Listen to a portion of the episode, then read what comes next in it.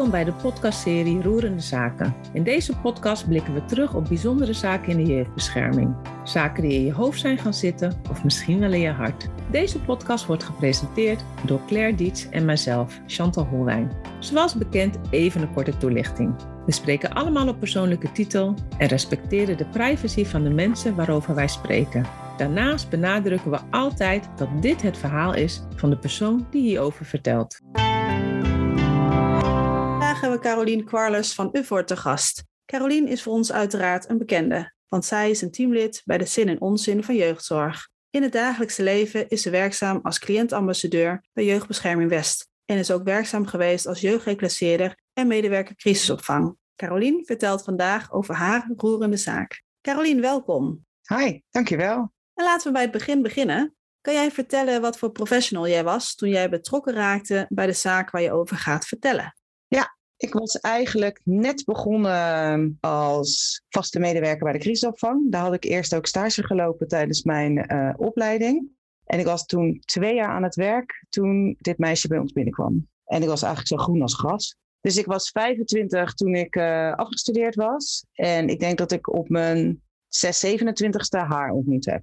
Oké, dus je eerste baan in de jeugdzorg. Ja. Zo kan ik het zeggen. Oké, en verder, hoe zag zeg maar, jouw eigen leven daarnaast uit? Want je bent dan net ja, werkzaam. Had jij toen ook al wel een beetje je eigen leven dat je dacht, ik zit in een volwassen periode? Of was je net student af? Hoe zag dat eruit? Nou, ik had wel een onbezorgd leventje toen nog. Toen nog net eigenlijk. Um, ik woonde wel al een paar jaar op mezelf. En ik vond mezelf heel volwassen eigenlijk. Ik had net mijn vriend ontmoet, met wie ik dan later ook zou gaan trouwen.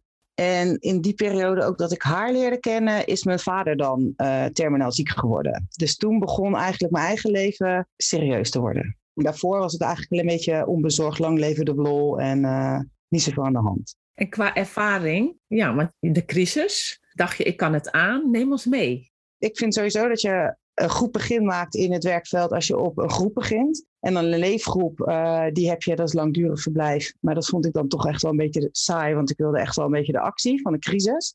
Zo gezegd, zo gedaan. Op mijn 23e liep ik daar stage. Nou ben ik goed onderuit gegaan, kan ik vertellen. Want uh, ik was toch wel een beetje een broekie. Meiden willen je in hun kamp. Ik vond dan die uh, groepsleiding ook een beetje suf. Toen mochten we gewoon nog roken op kantoor, op de bank, overal. Dus ik gewoon lekker roken met die meiden en goede tijden kijken. En er komen wel echt heftige verhalen binnen waarvan ik dacht van jemig, wat krijgen we nou? En sommige kinderen, twee zusjes rechtstreeks van Schiphol op naar ons in de crisisopvang en automutilatie, dat je dus naar boven gaat en, en de kamer is helemaal rood van het bloed. En het is echt wel heftig hoor, moet ik je zeggen. Je wordt wel snel groot. Ja, je wordt echt al snel groot. Dus je denkt van jemig, waar heb ik het nou al die tijd over gehad zeg? met de meiden bouw je heel snel een band op. Want zij komen echt wel in hun heftige periode van hun leven komen ze bij jou. Want het is echt wel crisis, je moet eruit. En sommige meiden zijn echt 13, 14 of al 16 al een jaar op straat. En die komen gewoon bij jou en die hebben eigenlijk gewoon een arm nodig. En dat komt toen allemaal gewoon heel makkelijk. Het was echt een beetje huiselijk, gezellig. Kom maar hier en ik troost je wel.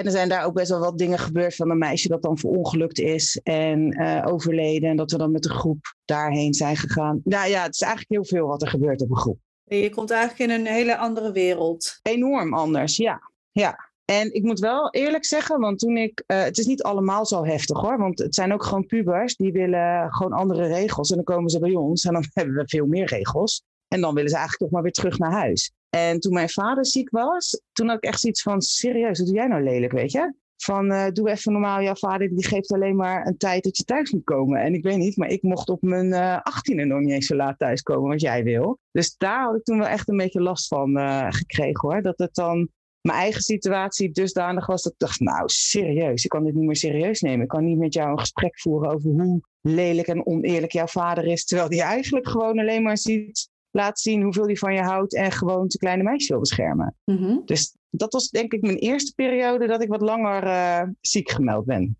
En als je kijkt naar leeftijd, hè, want wat was de leeftijd van die meiden die daar woonden? 12 tot 18 jaar. En als je dan 25 bent, 20 25, komt dat best dichtbij. Ja, want weet je, dat was ook wel een ding met uitgaan. Ik kon gewoon die meiden tegenkomen als ik in mijn korte rokje daar in het weekend uh, op een feestje stond te roken en plezier maken.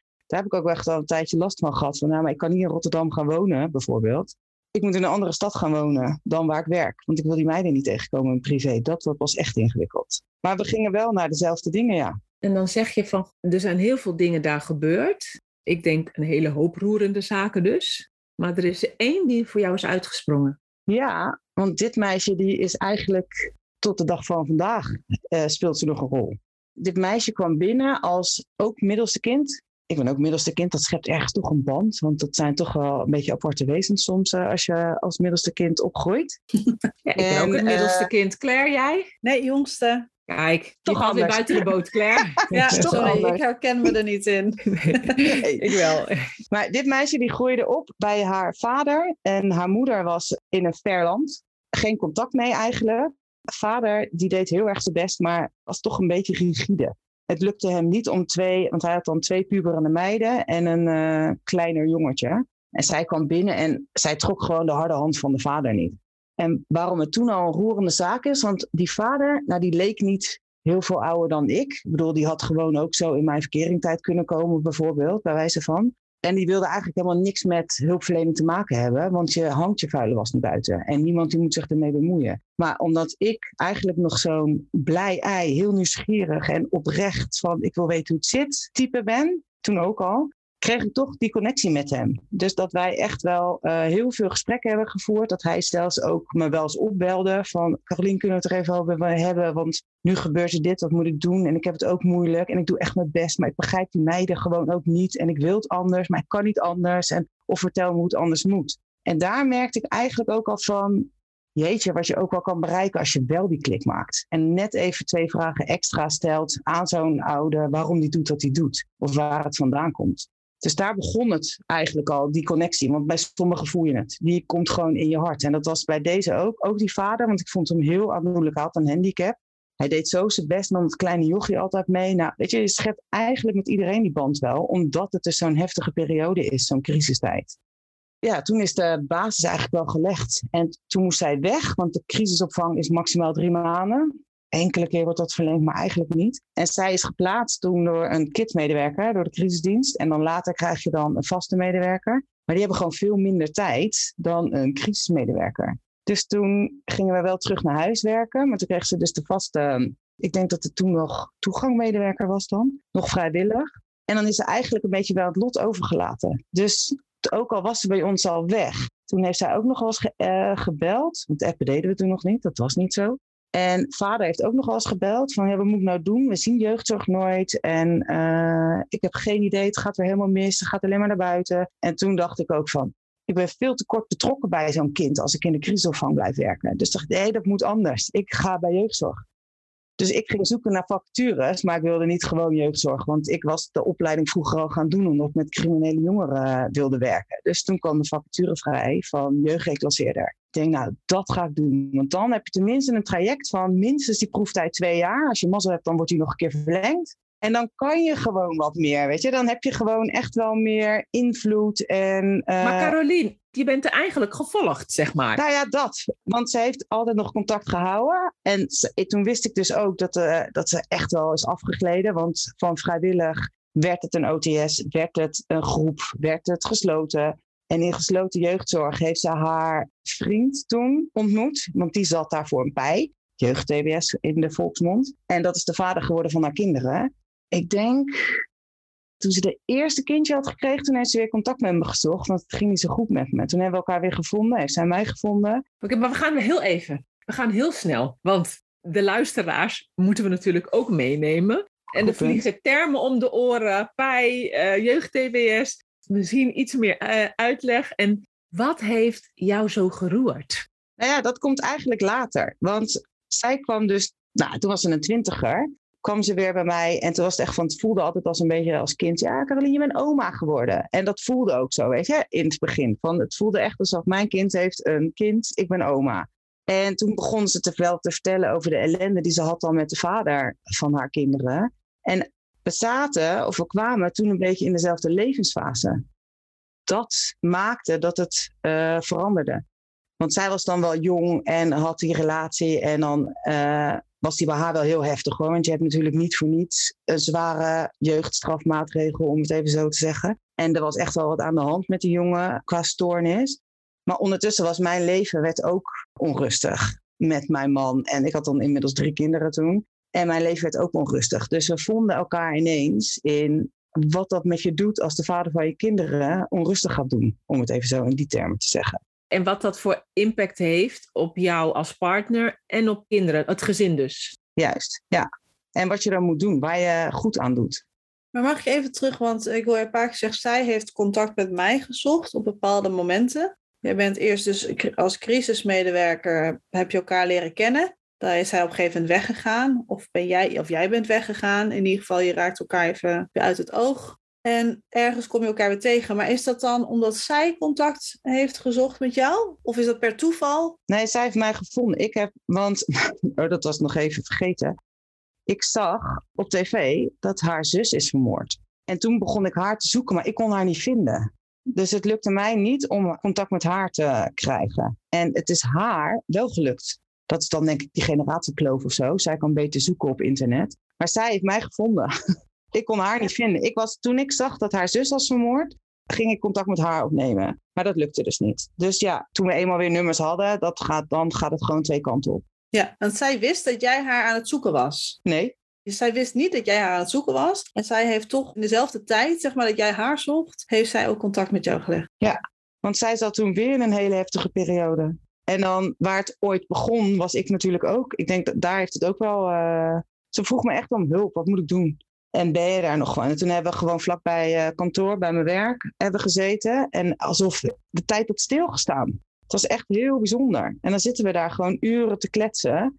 En toen hebben we dat lijntje gehouden. En uiteindelijk ging het zelfs zo ver dat ik, ook al zat ik in mijn eigen ellende inmiddels, dat ik overwogen had om haar met de twee kleine kinderen toen uh, in huis te nemen. En die basis is eigenlijk gelegd in die periode dat je zei, ik was eigenlijk een blij ei, ja. heel nieuwsgierig. Ik stelde die paar vragen extra die nodig waren om een band te scheppen. En dat is eigenlijk gebleven. Hoe is dat anders dan bij dus andere jongeren op de crisis? Want je, je zegt van je ik ben heel, altijd heel nieuwsgierig, dus waarschijnlijk stel je altijd meer vragen even dan misschien de gemiddelde hulpverlener. Maar je zegt bij hun heeft dat dus iets anders opgeleverd. Ik denk ook het feit dat haar moeder er niet was. En zij mij ook wel een beetje op die manier heeft ervaren. En haar vader deed ook natuurlijk wel zo. Hè? Die nam mij ook heel serieus. Ook met zijn advies voor zijn opvoeding. Ja. Dus ik denk dat dat ook wel ermee te maken heeft gehad dat dit lijntje dan net wat strakker werd. Natuurlijk met die andere meiden ook, maar die hadden uiteindelijk ook allemaal zelf een eigen netwerk die daar uh, verder mee gingen. Die hadden wat dat betreft ook niet per se nodig. En bij haar heb ik altijd wel het gevoel gehouden dat het net iets extra's was, maar met name omdat ze dus geen moeder had uh, in de buurt. Er deed een ander appel op jou. Ja. Althans, die voelde jij naast uh, de professional, voelde je ook nog een ander appel. Ja, dat denk ik. Want ik was nou niet echt nog het moederlijke typeje van een puber toen.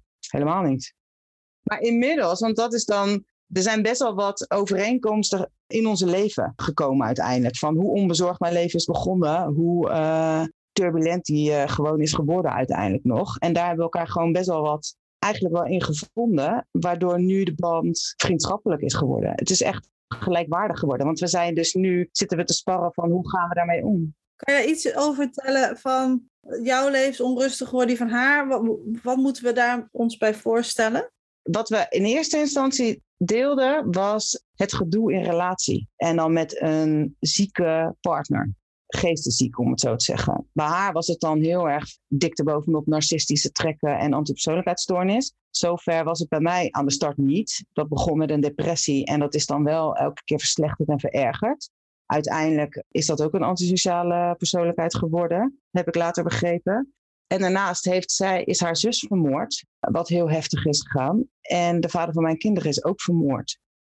En dat gebeurt niet vaak. En dat deel je eigenlijk met niemand hoe dat voelt. Uh, in wat voor traject je dan ook komt als nabestaande en een strafzaak. Jullie voelden elkaar aan, want jullie zaten eigenlijk in hetzelfde verdriet, in dezelfde. Jullie konden dat met elkaar delen. Ja, dat. En in twee hele extreme situaties eigenlijk. Ja, want het is gewoon wel echt extreem. En dat heeft de band wel echt veranderd, merkte ik. En dan waar het eerst nog was, in eerste instantie toen ik, toen was het bij mij nog alleen een, be een beetje, een beetje ellende met een depressie en onvoorspelbaarheid en een beetje dreiging vanuit hem. van, joh, weet je, bij jou is het dusdanig heftig thuis met uh, de vader van je kinderen. Kom bij mij wonen, weet je. Van daar, van ik moet je redden of zo. Uh, of ik wil er voor je zijn, ik kan, uh, kan je opnemen. Bijna ten koste van mezelf zou dat gaan. Naar nu dat we elkaar advies vragen, bijvoorbeeld. Of hoe heb jij dit gedaan? En dat we nu bij elkaar komen en zij is de haren van mijn dochter gaan vlechten. Die relatie is gelijkwaardiger geworden, hoor ik je eigenlijk zeggen. Ja, hij is gewoon gelijkwaardig geworden.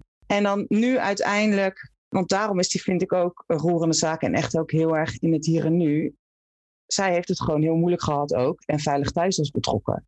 En het wijkteam en uh, door al het gedoe. En uiteindelijk is zij dus zo ver gekomen, omdat ze bang werd van Veilig Thuis, heeft ze de kinderen gewoon naar het buitenland gebracht. Omdat dat daar beter was dan de dreiging hier, dat ze de kinderen uit huis hebben gehaald.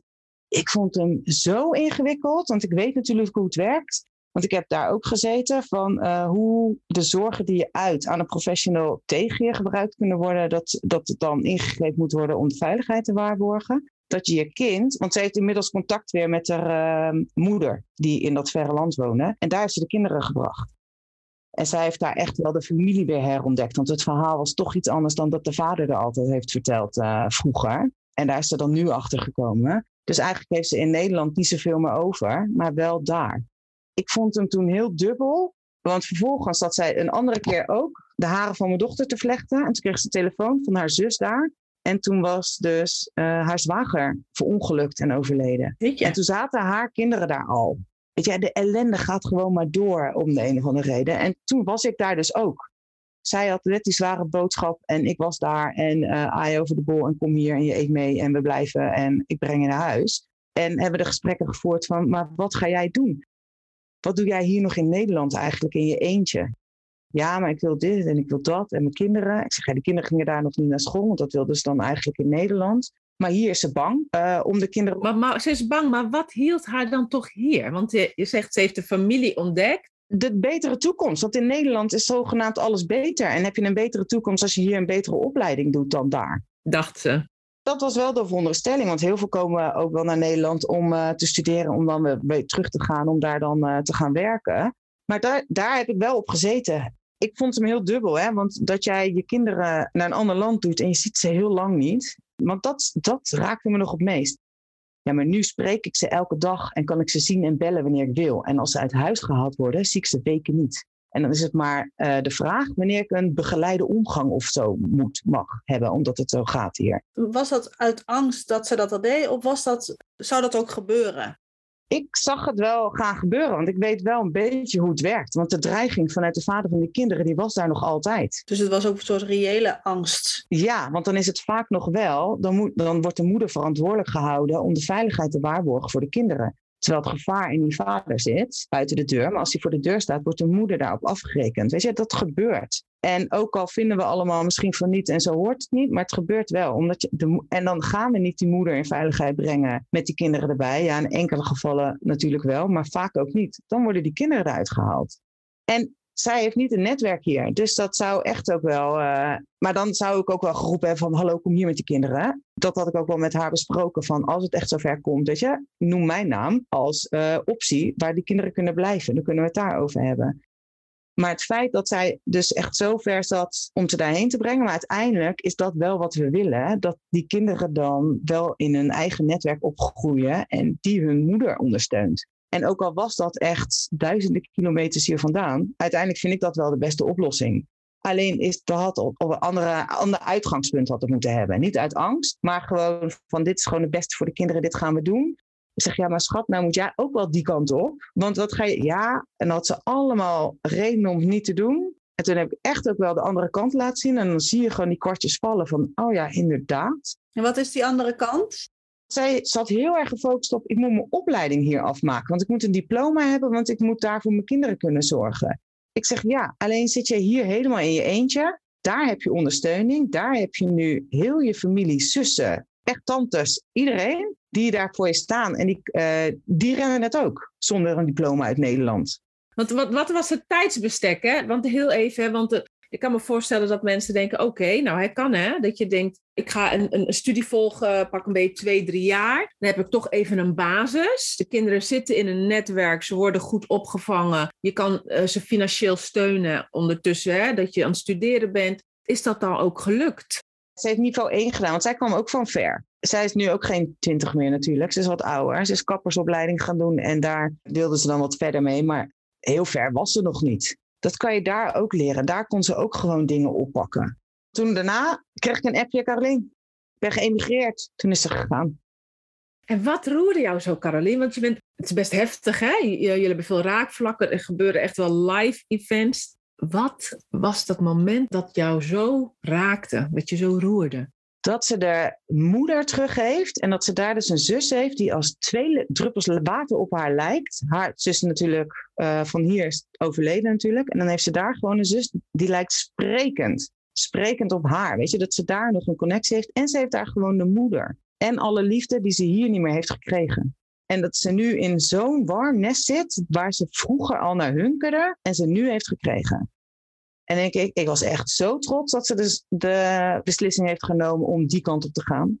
Petje af. En ze flikt het gewoon. Ze laat het los met het geëikte, want in Nederland heb je de beste kansen. Onzin. Daar waar de liefde is en daar waar jij bent, daar zijn de beste kansen voor die kinderen. Weet zij dat, dat zij jou zo geraakt heeft, of nog steeds raakt? Ja, daar hebben we het wel over. En dat gaat twee kanten op. Want we vinden het gewoon best wel bijzonder dat we hier zo zitten. En dan gaan we af en toe nog herinneringen ophalen van zij, die kleine, weet je, zoals 13 of zo. Zij was toen ook de jongste van de groep. Van hoe dat dan was. En ik dan, hoe ik dan daar achterlijk reageer. hoe ik daar achterlijke groepsleiding, hoe ik daar rondliep als jongste van de groep. En haar vader? Nou, daar heb ik wel eens even contact ook mee gehad online. Maar niet te veel, want zij is gebrouilleerd met hem. Eigenlijk omdat hij heel lelijk heeft gedaan, ook tegen haar. Maar ook haar hele jeugd is zij opgegroeid met een leugen. Wat betreft haar moeder. Zij heeft altijd te horen gekregen dat haar moeder is vertrokken. En uh, dat er geen contact meer was en dat ze dat niet wilde. Terwijl die vader, die ging altijd nog op vakantie en altijd naar die moeder. Die moeder was er gewoon altijd nog. Maar die moeder was een stuk jonger dan die vader. Het was echt wel bijna een tienermoeder. En die was gewoon heel erg onder de indruk van die vader. En dat is gewoon een heel ander verhaal geworden. Van je moeder heeft je verlaten, want die wilde het allemaal niet. Want die wilde gewoon jong zijn en uh, de leven leiden. En ze had dan het jongste kind wel. Nou, en geen contact meer. Nou, hij ging elk jaar gewoon op vakantie daar en dan bij die moeder. En die komen nu allemaal uit. Dat is gewoon helemaal scheef gegaan.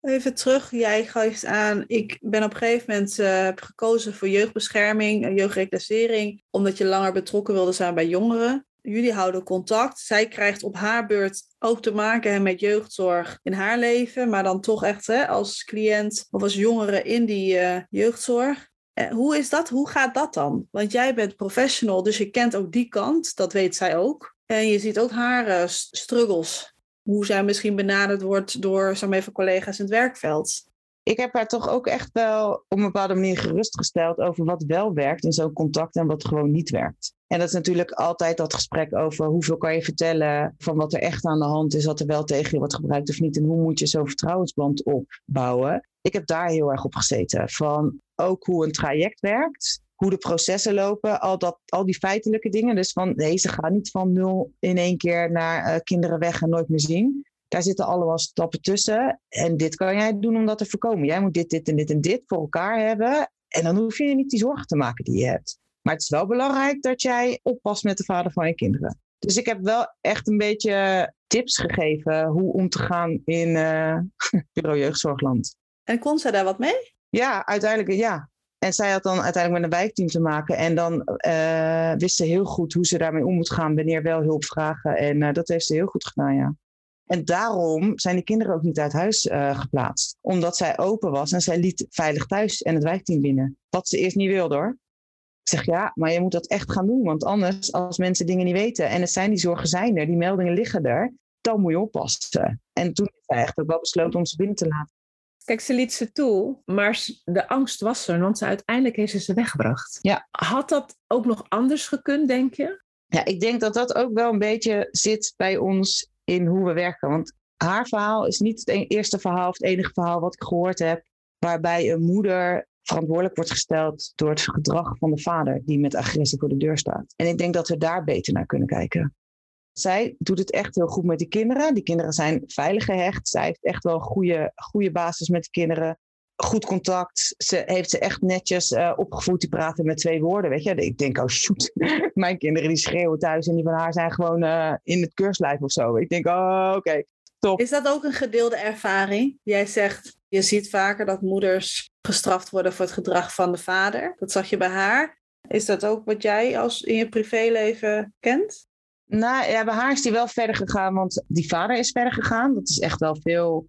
Maar daar heeft denk ik ook wel uh, toch ook wel leeftijdsverschil en het type mens mee te maken. Met hoe ver laat je het gaan, wat ben je wel gewend en hoe sta je op je eigen benen. Daar was ik een stuk verder in, wat mij ook wel gered heeft. Maar wel, toen het bij ons onveilig werd en ik daar zat om dat aan te geven, jongens, dat gaan we doen. En dat was bij de jeugd GGZ toen werd er wel tegen mij gezegd, ja, maar jij moet zorgen voor die veiligheid. Want anders dan uh, moet ik een melding gaan doen. Ik zeg, ja, serieus, ik zit hier om een plan te maken. En dan ga jij mij dit vertellen. En dan, ja, want als het onveilig is, dan moet je veilig thuis bellen. Ik zeg, ja, maar dan heb jij het niet begrepen. Want als het onveilig is, dan moet ik 112 bellen. En veilig thuis komt op een ander moment. Oh nee, nee, maar jij weet ook altijd alles, maar jij weet ook alles beter met je werk. Ik zeg, ja, wat gaan we doen? Ja, maar anders moet ik een melding doen. Ik zeg, maar doe die melding, want dan staat er tenminste zwart op wit hoe vader zich gedraagt. Want jij noemt iets een goed gesprek. En waarom noem jij dat een goed gesprek? Omdat meneer niet boos is weggelopen en jou heeft uitgescholden. Maar vervolgens ben jij uh, geen stap verder, heb je niks bereid, hebben geen plan, niks. Maar jij noemt het een goed gesprek. Dus ja, die ervaring deel ik dan wel. Want ik werd verantwoordelijk gehouden door zijn gedrag en zijn agressie. Dus daar vind je elkaar dan ook weer, zeg maar, toch, als, als moeders zijnde. Ja, bij mij is die dreiging nooit geweest van dat mijn kinderen uit huis geplaatst zouden worden of dat veilig thuis. Echt, ik wou dat ze een melding zouden gaan doen, weet je, want niemand uh, durfde maar wat bij mij, in mijn geval. En hoe heeft dat jou dan gevormd als professional? Want je hebt je professionele identiteit, zeg maar, en je persoonlijk als mens. En dat gaat ook door elkaar heen. Je kan het niet lostrekken van elkaar. Hè? En dan kom je in het werk een gezin tegen dat jou raakt. Hoe heeft dat jou beïnvloed? Eigenlijk wel enorm. Want ik ben cliëntambassadeur geworden. En dat was eigenlijk na een andere roerende zaak. Want ik moest kiezen, hè, jongens. Het is niet één roerende zaak in die twintig jaar dat ik werk. Nee, nee, nee. Maar bij anderen heb ik ook een. Uh, ik heb blogs geschreven ook van andere roerende zaken. Dus en dat was een andere zaak, een jongen.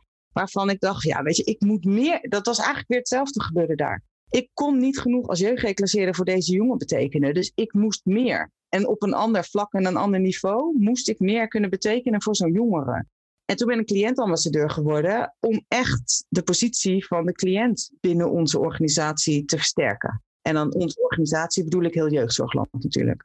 Kan je even kort vertellen wat uh, cliëntambassadeur inhoudt? In het heel kort de stem van de cliënt beter die organisatie in helpen. En Jeugdbescherming West is een lerende organisatie. En daar hoort gewoon ook het leren van cliëntervaringen bij. En dat lukte onvoldoende om beter te kunnen leren van cliëntervaringen, moest daar iemand volledig mee bezig zijn. Dus ik hou me bezig met het ophalen van cliëntervaringen. Soms ook een informele bemiddelingsrol neem ik in als de samenwerking niet soepel loopt, om dan de samenwerking weer uh, te herstellen. Ik zorg ervoor dat ook cliënten aan tafel zitten als wij weer iets nieuws bedenken. Die vind ik vooral belangrijk. Van we kunnen allemaal weer leuke nieuwe dingen bedenken die beter zijn voor de cliënt. Maar dan moeten we ook cliënten aan tafel hebben zitten. Dat doe ik. En alles wat ik ophaal, en sommige zijn dan meerdere signalen, daar maak ik een signaal van en beleg die bij uh, de afdeling waar die hoort. En met die functie zeg jij, die heb daarvoor gekozen omdat ik dan ook echt veel meer nog de cliëntenpositie kan geven en uh, hun ervaringen in de organisatie uh, kan leggen. Voel je dat ook zo? Nou ja, steeds meer. Want het eerste twee jaar was het echt al zaadjes planten overal. Het was een nieuwe functie. Het was ook, Caroline, we willen iets met cliëntfeedback en iets met participatie, succes. Zoek het uit. Je hebt carte blanche eigenlijk. Dus nou ja, weet je, daar moest ik dan beginnen. Maar nu zijn we dan vier jaar verder en nu zie ik echt wel de stappen die gemaakt zijn. We zijn gewoon mensen. Die afstand moet weer kleiner. Het is niet jij, eh, de, de werker staat erboven en de cliënt eh, weet het allemaal niet zo goed. Nee, we zijn wel gelijk. En de werker kan gewoon ook niet zonder de cliënt. En als jij niet goed luistert naar je cliënt en meeneemt in de visie die de cliënt heeft, succes met je verbinding. En zonder verbinding heb je geen samenwerking. En hoe ga je dan die veiligheid waarborgen? Want dan zit je alleen maar brandjes te blussen en uh, in je contact proberen te herstellen met elkaar. En dan heb je het helemaal niet meer over waar het over moet gaan. Hoe leg jij de verbinding naar cliënten of naar jongeren?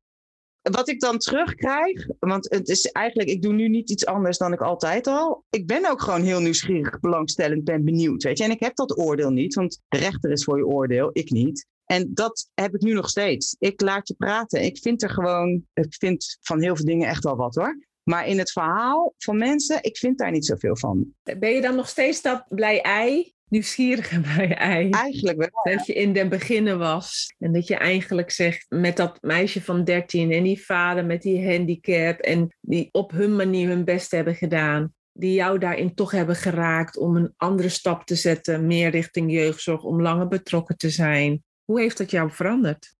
Nou, het heeft me eigenlijk, zie ik het meer als een doorontwikkeling. Want het is eigenlijk steeds verder uh, gegroeid. En nu, maar dat is nu, weet je, dan ben ik ineens 40 plus. Ja, 40 plus 3, oké. En uh, dan heb ik die opleiding gedaan van ervaringsdeskundigheid. En dan moesten we reflecteren. Maar nu moest ik reflecteren in uh, relatie tot mijn ervaring. Ik kan je vertellen dat dat een heel ander soort reflectie is dan wat wij vroeger op school hebben geleerd. Dat heeft me echt heel erg veranderd. En ook wel het besef van, mijn leven is heel leuk. En ik heb het helemaal uitgestippeld. Gewoon leuk getrouwd, drie kindjes. Precies wat ik had gepland toen ik heel klein was. En in één flits verandert het en is het één grote bak ellende. Je hebt het niet voor het zeggen. En het is niet omdat ik altijd mijn best heb gedaan op school dat er mij niks gebeurt. Nee, en echt niet iedereen zit in de uh, problemen door zichzelf of omdat hij zelf slechte keuzes heeft gemaakt. En ook al dan nog, ik heb ook wel slechte keuzes gemaakt. Ja, daar hoef je niet voor afgebrand te worden en altijd maar in het verdomhoekje te moeten blijven of zo. Het heeft me veel menselijker gemaakt. En wat ik zei, weet je, we zijn gewoon niet de functie die we bekleden, maar we zijn gewoon mens, allemaal. De functie bepaalt hooguit welke taken jij, uh, bij jou horen en welke verantwoordelijkheden. Dat zegt het. Maar het zegt niet over wie je bent en meer of minder waard. Helemaal niet. Even terug naar jouw roerende zaak. Hoe is het nu met haar? Want jij zegt, zij loopt altijd mee in mijn leven. Jullie hebben inmiddels een vriendschap opgebouwd zij is nu aan de andere kant van de wereld, maar dat is waarschijnlijk gewoon contact. Hoe is het nu met, met haar, met jullie contact? Zet een baan, uh, de kinderen zitten in een schooluniform en uh, gaan naar school, blije gezichtjes. Ze is gewoon thuisgekomen daar. Ze is terug naar huis. Ja. En jij hebt daar aan bijgedragen. Ja, dat denk ik. Ja, zeg je bescheiden. Dat denk ik. Ja, dat denk ik, ja.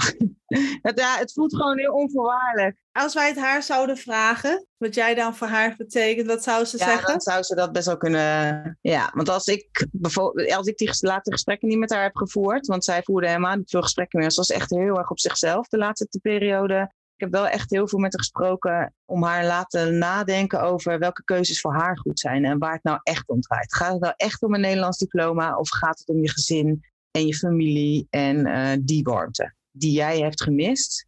Wat is nou heel erg belangrijk? En ben jij daar terechtgekomen toen jij 13 was? Nee, je hebt ook je eigen route genomen via jeugdzorg en via gesloten en uh, weet ik veel welke routes allemaal nog meer. En daar heeft ze over nagedacht. Het is gewoon echt wel haar beslissing. Want ik heb niet, weet je, ze heeft mij niet verteld ik ga doen. Ze heeft mij verteld, joh, ik zit er. En, en Caroline, als je terugkijkt, alle stappen die je hebt gezet, ontwikkelingen door de carrière heen. Als je het over zou doen, zou je het dan zo overdoen? Of zeg je, dan had ik toch een aantal dingen anders gedaan? Ik ben bij het begin begonnen. Elke keer een stapje verder. En zoals nu ook, ik wil gewoon elke keer dat stapje verder. Om nog meer impact te hebben. Want ik hou wel van impact. Is het werken met jongeren, criminele jongeren, jeugdgevangenen nog steeds die stip op de horizon waar jij naartoe gaat? Hij is nu echt wel breder geworden. Van uh, we moeten weer naar mens tot mens. Daar zit hij gewoon echt. Want het is keihard aan het worden, die wereld hier buiten. Online eigenlijk. Het is echt keihard. En we worden maar afgerekend op wat ons beroepssoort doet, bijvoorbeeld. Daar worden wij met z'n allen door de mangel gehaald. Het wordt niet meer als individu of als mens. Hetzelfde geldt als boze ouders of die criminele jongeren. Of, weet je, die worden ook in één groep. Het is echt groep tegen groep, wij tegen zij, keihard. Terwijl we allemaal gewoon eigenlijk hetzelfde willen. Niet eigenlijk, we willen allemaal hetzelfde. Maar we gaan tegenover elkaar staan bekvechten. Ja, hebben we het dan over de bedoeling of hebben we het dan over poppetjes en uh, hoe jij gedraagt, want je let niet goed op en je neemt geen verantwoordelijkheid? en dat wordt nu meer mijn missie. Van dat menselijke stuk en dat gesprek ook weer. Daarom ook de zin en onzin natuurlijk. Dat is niet voor niks dat ik daar uh, lid van ben. Daar zijn wij van. Ja, de dialoog. Ja, zeker. En zijn er ook lessen die je zelf veel hebt opgedaan, maar die je zegt, die wil ik echt doorgeven aan de volgende lichting professionals, mensen, eigenlijk aan iedereen? Ja, dat is echt wel van luister zonder oordeel. En het is een hele droge, hè? maar dat kun je makkelijk zeggen. Maar ga dat echt eens proberen. Zonder oordeel luisteren. Laat iemand gewoon vertellen. Vind daar niks van. Laat het alleen maar vertellen. Je hoeft, niet je hoeft de oplossing niet te bieden. Alleen maar luisteren. En dan kom je verder. Luister naar het plan van hoe de cliënt weet het zelf heel goed, hè? Wat ze willen. Ook die jongeren. Ook een jongere van 14. Die eigenlijk niks voor het zeggen heeft, maar die weet heel goed waar die heen wil. Luister daarnaar. Neem het serieus. En die vind ik dan nog wel verwarrend soms, hè? Dus dan lijkt het van luisteren naar de cliënt en die is allemaal heel logisch. Tenminste, dat komt allemaal prima over. En de cliënt weet het waar die naartoe wil. En dan vraag ik me ook wel eens af, waar is dan nog de rol voor de professional? Want als de cliënt het allemaal zo goed weet, hoe kunnen wij dan invoegen als professional? Nou, heel veel weten waar ze willen eindigen. Ze weten niet hoe ze daar moeten komen. En ik denk dat aan de professional is om de weg te wijzen hoe je daar moet komen. Je hebt gewoon groter kans op succes als je iemand het zelf laat doen. Met een beetje richting. ze hebben wel richting nodig, want anders hadden ze daar niet gezeten. Maar ze hebben ook het vertrouwen nodig dat ze het zelf kunnen. En ik denk dat dat echt ook wel voor de professional is. Jij zegt eigenlijk van de cliënt weet, die weet uit zichzelf waar die graag naartoe wil, wat goed voor hem of haar zou zijn. Maar hoe? Hoe die dat kan bereiken, daar kunnen we als professional juist zeg maar aanvullen. Daar komt zeg maar kennis en ervaring bij elkaar. Ja, dat denk ik echt. Want het is, dat is eigenlijk ook met de plannen die we schrijven, toch? De doelen zijn echt de doelen van de cliënten. En dan is het aan ons om de invulling daar te geven. Hoe komen we daar? Dan ben ik wel benieuwd, hè? want zij heeft een hele belangrijke. Ja, jullie hebben een mooie klik met elkaar en nog steeds. Zijn er dan ook andere casussen waarbij je datzelfde hebt ervaren? Of is, is hij daar echt wel iemand die daar bovenuit is gesprongen? Zij is de enige die ik bij me thuis heb gehad. Andere cliënten heb ik niet bij me thuis gehad. Die heb ik nu ook eigenlijk geen contact meer. Kinderen, weet je, ze weten wel dat ik kinderen heb en sommige, een enkeling heeft een foto gezien. Maar niemand uh, is zo in mijn leven geweest. Nee. Nu we jouw roerende zaak hebben gehoord, zou ik je ook willen vragen: wat is de boodschap die je aan ouders en jongeren mee wil geven? Ik denk toch dat ik wil meegeven: hou vertrouwen. Geloof niet alle negatieve dingen die je hoort. Ga het gesprek aan kijk wat het je oplevert. Begin met een open blik aan een contact met de hulpverlening. Want dat is ook iets wat ik zelf nog heb. Ook al heb ik negatieve ervaring, dat wil niet zeggen dat de volgende ook negatief is. En die is heel lastig, dat begrijp ik ook. Maar het is echt wel de moeite waard om altijd te blijven proberen.